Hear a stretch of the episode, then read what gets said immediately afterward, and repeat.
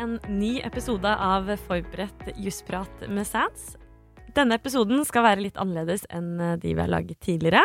Vi skal ta for oss arbeidslivet i Norge etter koronapandemien.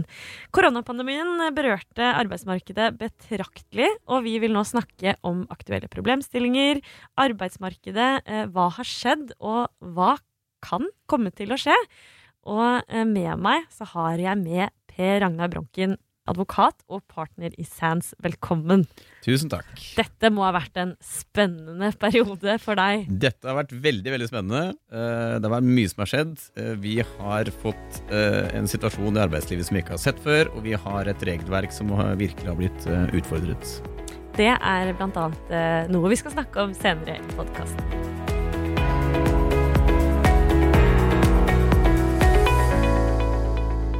Hvis vi kan se litt tilbake på tida som har vært, hvilke betraktninger har du fra de siste, den siste tida? Nei, det har jo vært en spesiell situasjon eh, for oss som jobber jobbe med dette fagfeltet. Eh, Når eh, koronapandemien smalt i mars, så fikk jo vi rådgiverne veldig mye mer å gjøre. Virksomhetene sto og selvsagt hadde mye behov for rådgivning knyttet til hvordan de skulle håndtere dette fremover.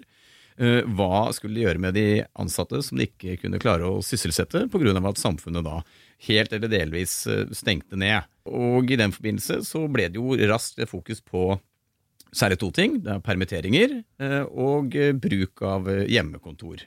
Så det er jo kanskje de to temaene som har dominert bildet da, de siste månedene. Nå begynner det å se litt annerledes ut, men, men det er fortsatt pro problemstilling knyttet til dette som er det mest relevante. Alt skjedde jo veldig fort.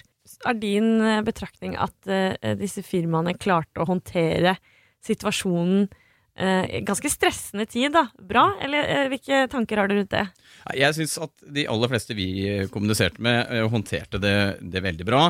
Noen tok nok noen forhastede beslutninger. Det kan godt hende at de permitterte litt for mange.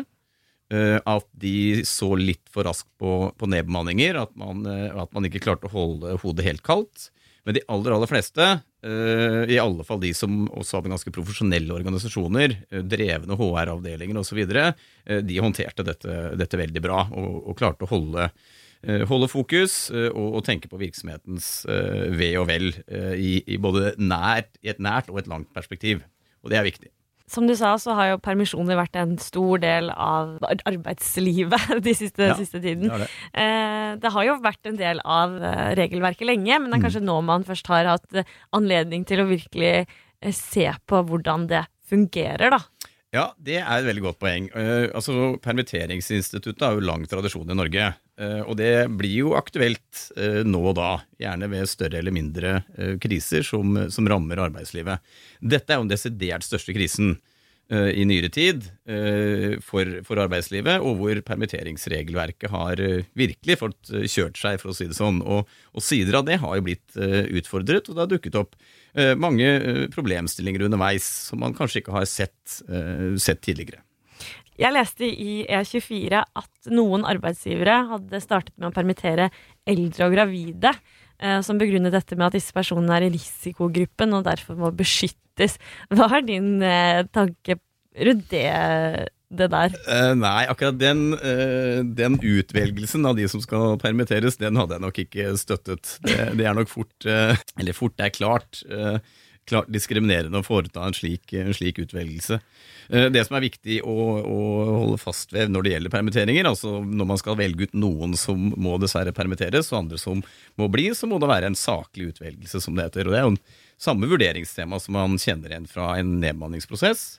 Eh, og eh, kanskje med den, med den justeringen at, at man står noe friere ved permittering enn ved, ved en nedbemanning. Og Det viktigste i permitteringssituasjonen er jo at eller hele forutsetningen for en permittering er at den er midlertidig, eh, slik at det viktigste for virksomheten er å ha fokus på hvem er det vi må beholde akkurat nå for å løse de oppgavene som trengs i denne forbigående perioden. Og Det er en annen vurdering enn ved en nedbemanningsprosess, hvor man har et langsiktig perspektiv, og hvem må vi beholde eh, i et langsiktig perspektiv for å løse oppgavene i fremtiden. Ja, og hvis vi skal bevege oss litt mer mot nåtid, da, så er jo det du sier nå kanskje mer relevant i forhold til at eh, det kan komme en slags nedbemanningsperiode nå fremover. Når, gikk, når, vi gikk inn i, i, 2020, så var det store håp i mange bedrifter. Og Norwegian skulle ha overskudd, og Hurtigruta skulle ha sitt beste år noensinne. Men uh, dette kommer jo ikke til å skje. Nei, altså sånn sett så fremstår jo 2020 som et eh, annus horribilis, som det kalles. Eh, og spesielt reisenæringen, som du er inne, inne på. Reise, og spesielt da fly osv. Eh, er jo hardt, hardt rammet. Eh, og der har man jo sett store nedbemanninger allerede. For den mer eh, hva skal si, vanlige virksomhet i Norge så kommer nok også en, en viss nedbemanningsbølge over tid. Kanskje da i løpet av sommeren og utpå høsten så spår de fleste at, at man vil se, sånn, vil se, en sånn, bølge. Og Noe av grunnen til det er jo at det, det tar jo noe tid før man ser hvordan dette vil se ut, hvordan virksomheten ser ut, og hvordan den er Eh, rustet for fremtiden. Eh, og så har du også en side til at hvor lenge kan du faktisk permittere. Eh, og, og der er det jo begrensninger, og, og den, den, begrensningen nå for de som permitterte i begynnelsen av koronasituasjonen, de begynner nå å nærme seg nettopp den grensen, som gjør at de må se på hva de skal gjøre fremover. Hva er den grensen? Nei, Du kan permittere i, i, i, i anslagsvis da seks måneder. Det er en uskreven uh, regel, følger av hovedavtalen og praktiseres da i, praksis i hele, hele, samfunnet. Eller for, for alle arbeidsgivere.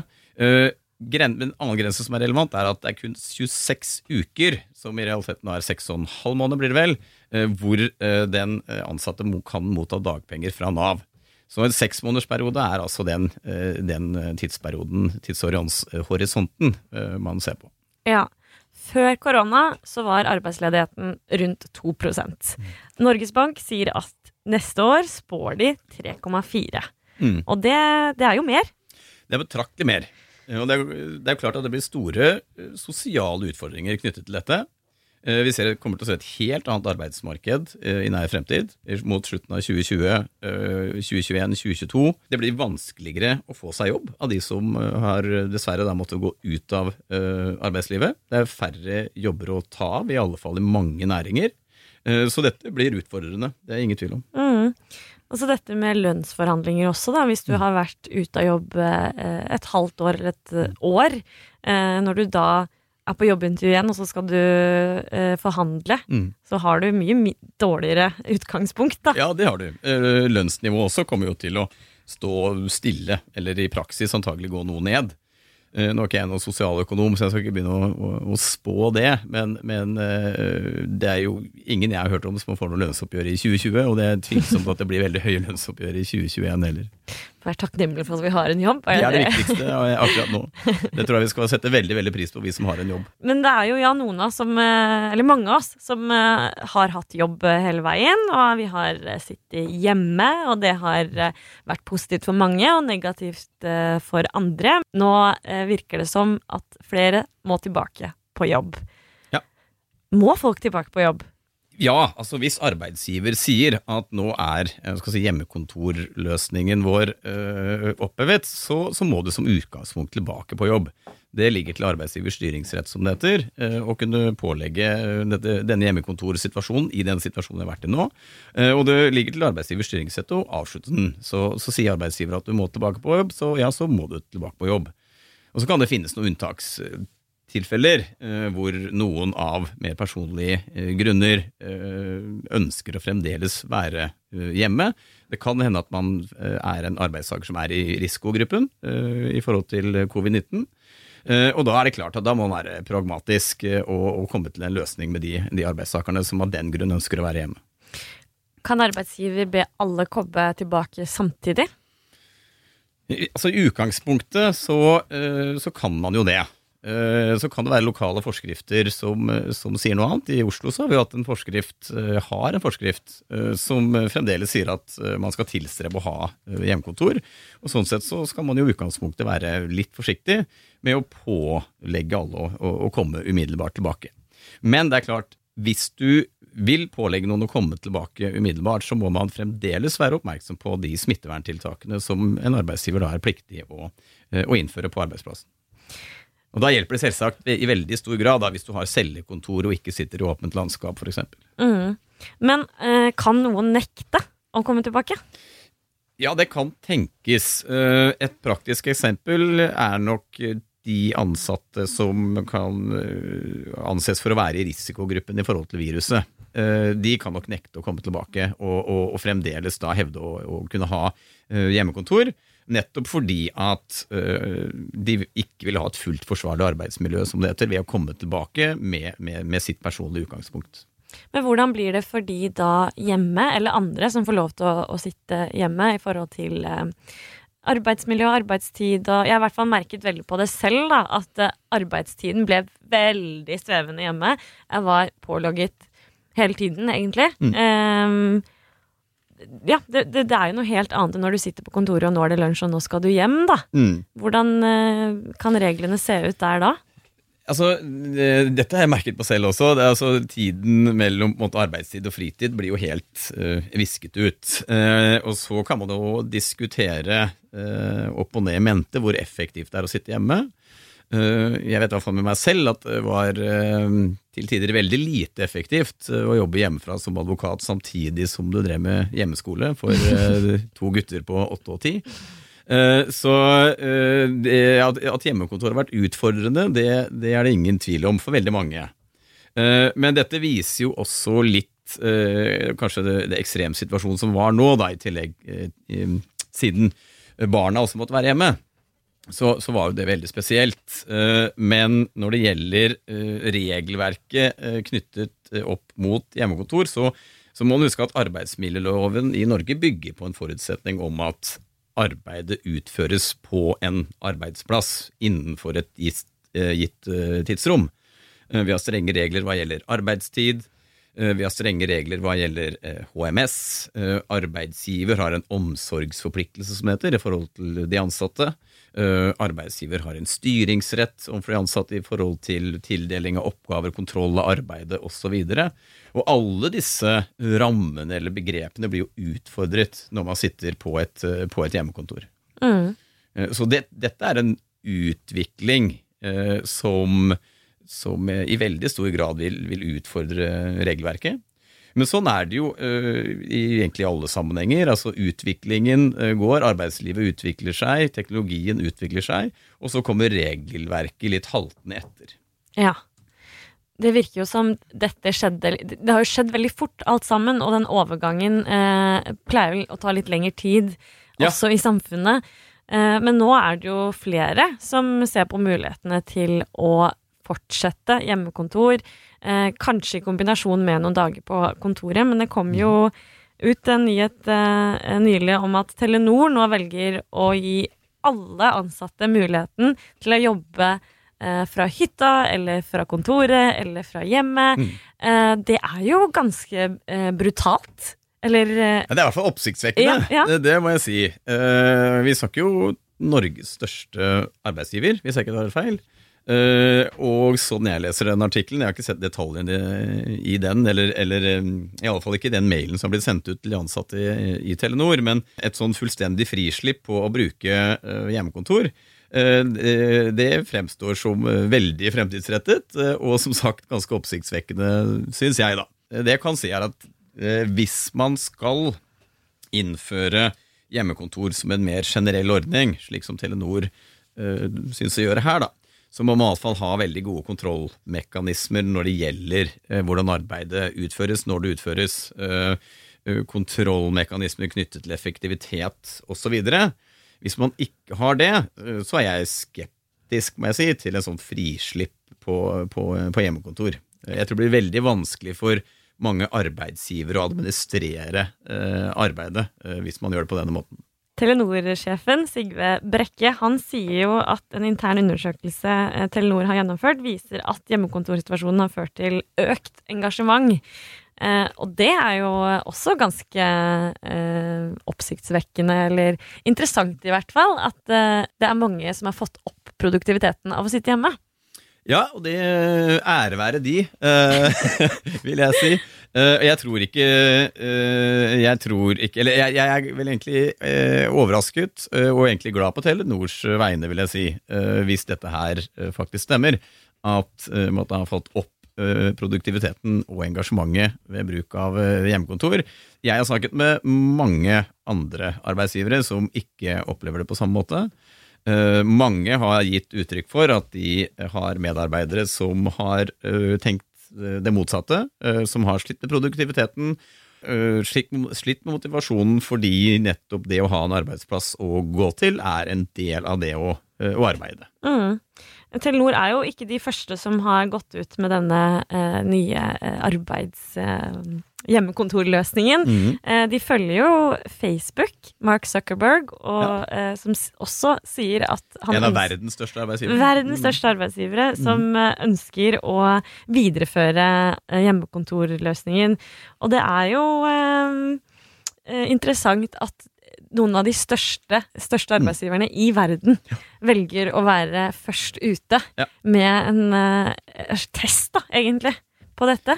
Ja, og her ser vi at uh, denne pandemien har jo på en måte kickstartet noe som, som uh, hva skal jeg si, fremtidsforskere har snakket om i, i, i lang tid.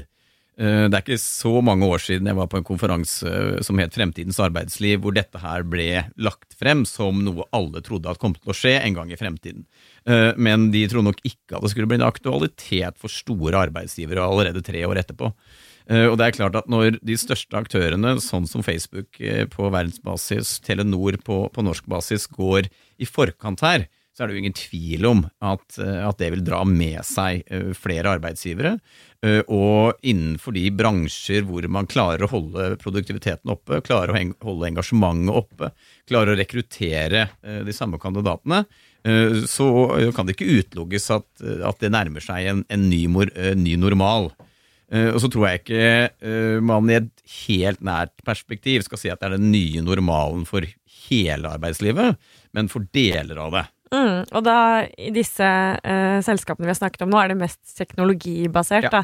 Men Zuckerberg sier også at, at det vil gi en ny uh, mulighet til å rekruttere talenter som eh, er eh, bosatt helt andre steder. At de kommer til å Mm. ansette folk der de ikke har eh, fysisk, fysiske kontorer, for at dette kan øke mangfoldet i etnisitet og kjønn og livssituasjon og alle disse tingene, da. Og det er jo veldig positivt for, for verden. Ja, det er jo ingen tvil. Eh, og det er et veldig, veldig interessant perspektiv som Mark Zuckerberg der uh, drar opp. Uh, og det tror jeg eh, er noe som det er lett å få eh, også en politisk vilje bak, hvis man skal se på et regelverk knyttet til dette eh, fremover i tid. Um, for eh, også for Norges vedkommende så tror jeg nok at eh, man eh, vil åpne dørene for en, eh, også en del arbeidstakere som ikke er man skal si, bosatt i eh, sentraliserte strøk, men som fremdeles har et talent innenfor visse eh, nisjer, som man, da, som man da som arbeidsgiver lettere kan nå. Og klart, det er jo Det kan jo eh, Altså, bygda vil jo ha folk. Ja.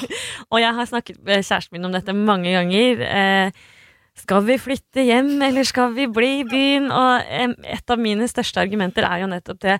Men hva i alle dager skal jeg gjøre der? Og en sånn type løsning vil jo kunne bedre Mm. eh, denne, i hvert fall den diskusjonen da, som jeg regner med at jeg ikke er den eneste som har hatt. Nei, jeg har hatt den selv, jeg også. Jeg er også fra bygda. Ja. Eh, og eh, og det, er en, det er en diskusjon som jeg tror mange har. Og dette kan jo kanskje vise til at den diskusjonen i fremtiden er mindre aktuell, hvis vi går mot et arbeidsliv hvor alle kan jobbe nær sagt hvor som helst, og for hvem som helst. Du nevnte jo dette litt eh, tidligere, men eh, hvordan utfordrer dette regelverket? Altså Det utfordrer jo regelverket på den måten at arbeidsgiver, for å overholde ø, de reglene som følger av arbeidsmiljøloven, som er arbeidsgivers ansvar at følges, ø, de reglene er ikke tilpasset denne situasjonen. Vi er nødt til å få på plass et annet arbeidstidsregelverk i Norge for at dette skal gjennomføres fullstendig. Vi er nødt til å få på plass et mer tilpasset HMS-regelverk hvis dette skal gjennomføres fullstendig. Så det er mange, uh, mange deler av regelverket som man må, uh, må, se på på nytt. Og Så må vi også huske det at vi har et veldig sterkt stillingsvern i Norge. Det skal veldig mye til å avslutte et ansettelsesforhold i Norge, særlig der hvor arbeidstaker selv er skyld i forholdene som fører til, til oppsigelse, altså hvis vedkommende har underprestert der hvor da alle i fremtiden holdt jeg på å si, skal jobbe hjemmefra under mindre kontroll og overvåkning av en arbeidsgiver, så blir det vanskeligere for arbeidsgiver også å påpeke feil hos arbeidstakeren som eventuelt da skal utgjøre grunnlag for oppsigelse. Så her er det mange ting man må tenke gjennom på nytt, mener jeg, eh, hvis, eh, hvis hjemmekontorløsningen blir den nye normalen. Det krever jo mer på mange måter av arbeidsgiver for oppfølging og det, altså dette med måleinstrumenter og hvordan Hvis jeg skal sammenligne med studietiden, da, ja. så var bachelortida det var eh, veldig eh, oppfølging hele veien. Eh, konkrete ting som skulle leveres inn. Og det var smooth sailing. Og så kom masteren, og da var det ikke sånn. Da var det me, myself and I. Og så skulle jeg jobbe eh, aleine, ikke sant. Og det for min del i hvert fall var mindre effektivt enn, enn det det var da jeg hadde konkrete ting jeg skulle gjøre og levere, da. Mm. Men, eh, men, eh, hvis vi kan putte den si, analysen inn i det vi snakker om nå, så vil jo det kreve mer fra eh, i mitt tilfelle da, institusjon, universitetet, eller da arbeidsgiver, for å følge opp sine ansatte i forhold til det arbeidet de skal gjøre, da. Ja. Jeg er helt enig, og jeg syns den, den, sammenligningen er eh, god, jeg, Gitta. Fordi, ja. fordi eh, en arbeidsgiver må eh, langt på vei følge opp sine arbeidstakere som en studieinstitusjon, eh, i hvert fall på noen studier, følger opp, eh, følger opp studentene. Så dette, er, eh, dette blir kjernen i de utfordringene som jeg tror vi kommer til å se, se fremover. Det er veldig, veldig spennende utvikling i arbeidslivet, det er en spennende samfunnsutvikling, og det blir uh, spennende å se hvilken utvikling vi får i, i, regelverket.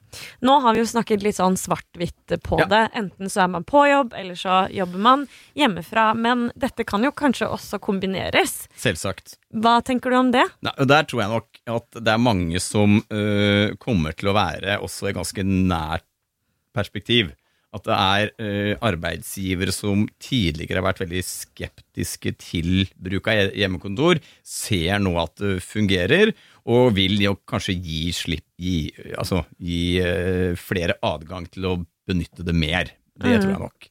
Uh, og det lar seg jo enkelt gjennomføre også innenfor, innenfor, regelverket, sånn som det er nå. Det er mer problematisk hvis det blir et fullstendig frislipp. Det er en helt annerledes situasjon. Ja. Men en eh, større frihet eh, for de ansatte, det ja. vil antageligvis være mer, mer vanlig nå. For um, hjemmekontoret, ja, man føler seg jo alltid litt sånn der med halen mellom beina når man skal spørre sjefen ja, kan jeg ta hjemmekontor på fredag. Men ja. nå så Jeg tror det er mer sosialt uh, korrekt, eller politisk korrekt, uh, å spørre om det nå enn det det var for et halvt år siden. Ja, ja, jeg det det. føler i hvert fall det selv, ja. at det er lettere. Men så tror jeg nok man fortsatt må huske uh, fra arbeidstakerhold at arbeidsgiver har anledning til å si nei. Uh, og sier arbeidsgiver nei, så bør arbeidstaker høre på det og faktisk komme på jobben. Ja, for du har ikke rett på hjemmekontor? Nei, det er bare unntaksvis, iallfall. Mm. Ja. Og dette med hjemmekontor det er jo en stor diskusjon i samfunnet nå. Og eh, jeg leste en artikkel i DN der de snakket om dette med, eh, med seniorer, som ofte Eller som ja. det kan være en grunn til at flere velger å gå ut med pensjon tidligere. Mm. Eh, fordi at for mange eldre så er det dette med eh, det sosiale og møtepunktet på jobb som gjør at man har lyst til å jobbe lenger, da. Ja. Og det er jo en eh, Det syns jeg er en veldig interessant observasjon her. Eh, I det så ligger det jo da kanskje en antakelse om at, eh, at Kall det de eldre medarbeiderne i større grad ønsker å være på jobben enn de yngre. Og det kan være mange årsaker til. Kanskje de har en nære tilknytning til arbeidsplassen. Kanskje de har, eller føler at arbeidsplassen i mye større grad utgjør et sosialt nettverk for de, osv. Eh, så her er det en del eh, individuelle forskjeller. og eh, Uten at jeg har forsket på det, så kan det selvsagt ha noe med, med alder å gjøre. Det som, det som, kanskje er litt bekymringsfullt med det, er at hvis denne hjemmekontortrenden, for å kalle det det, skyver en gruppe arbeidstakere ut av arbeidslivet, så er jo det en klar negativ effekt. Uh, og uh, når vi snakker om, uh, om, de eldre arbeidstakerne, så var det jo hovedbegrunnelsen bak den såkalte pensjonsreformen var jo å få arbeidstakere til å stå lenger i arbeid. Hvis det er slik at eldre arbeidstakere skyves ut av arbeidslivet pga. denne hjemmekontortrenden, så uh, virker jo det mot si, pensjonsreformens hensikt, som var at eldre arbeidstakere skulle stå lengre i jobb. Uh, og hvis eldre arbeidstakere går tidligere ut av arbeidslivet, så har jo det selvsagt en samfunnsøkonomisk effekt som uh, er uønsket. Ja. I artikkelen så sier leder Kari Østerud ved Senter for seniorpolitikk at seniorer ofte svarer på og det å omgås kolleger i løpet av arbeidsdagen, møtes på fredagspils eller slå en prat med kaffebaren som en av de viktigste årsakene til at mange utsetter pensjonstilværelsen. Og det er jo litt av det vi snakker, snakker om uh, nå. Og tall fra Nav i april nå viser en vekst på over 11% i antallet som søkte om uh, pensjon, sammenlignet med samme måned i fjor. Mm, ja. Og det er ikke nødvendigvis en direkte årsak av, uh, av, det som har skjedd nå med korona og hjemmekontor, men det er jo en grunn til å i hvert fall se nærmere på det, da. Ja, og det tror jeg nok at man vil nok se hva skal man si, større utredninger og, og, forskningsarbeid knyttet til dette. Altså ettervirkninger av koronaepidemien for arbeidslivet, bruk av hjemmekontor osv. Jeg vil nok tro at en del av, uh, eller noe av det man må se på da, er hvilke negative effekter dette har, selvsagt. Og hvis det er en klar negativ effekt at det skyver enkelte grupper ut av arbeidslivet, så vil jo det ha innvirkning på i hvor stor grad man da skal gjennomføre dette.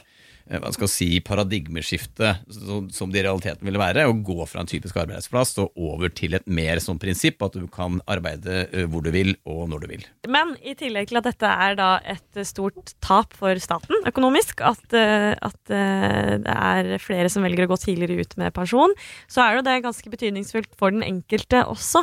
Du vil jo da naturligvis få mindre å rutte med ja, hvis du går ut tidlig. Ja, ja helt klart. Og altså, i en perfekt verden så hadde det jo vært hyggelig å få til begge deler, holdt på å si. ja, at ja. uh, det var uh, noen dager hjemme og kontor, og at folk ble i arbeid. Det er jo kjempeviktig. Og en stor del av uh, strategien til Norge og arbeidslivet her, da. Ja, det er klart. Men uh, jeg syns vi har vært innom utrolig mye spennende. Ja, det har vært veldig, veldig fine temaer. Uh, og jeg tror ikke at uh, På ingen måte at siste ord er sagt når det gjelder denne tematikken. Det blir veldig spennende å, å følge fremover. Ja, og jeg tror det er veldig mye som har skjedd på kort tid. Og nå som vi snakket om at Telenor og Facebook og mm. Twitter og alle disse store selskapene har valgt å satse videre på hjemmekontor. vi vil nå sikkert se i hvert fall en liten indikasjon eh, i, i, løpet av relativt kort tid. Ja, helt klart. Vi har fått noen pekepinner allerede, eh, og de kommer vi nok til å se også fremover nå de nærmeste årene. Og så tror jeg vi skal ta litt lengre perspektiv eh, på å se hvor omfattende denne endringen blir. Mm. Ah, takk for praten, Per. Det var veldig hyggelig. Takk det samme. Until next time. Until next time. har du noen uh, innspill eller spørsmål, eller uh, forslag til hva du har lyst til at vi skal snakke om? Det kan være alt, alt som berører seg i samfunnet, egentlig. For vi er jo bygd opp av lov og regler, er vi ikke det, Per? Det er vi, og som vet, advokater kan alltid svare alltid. kan svare på alt, alltid. Liker å pjatte. ja.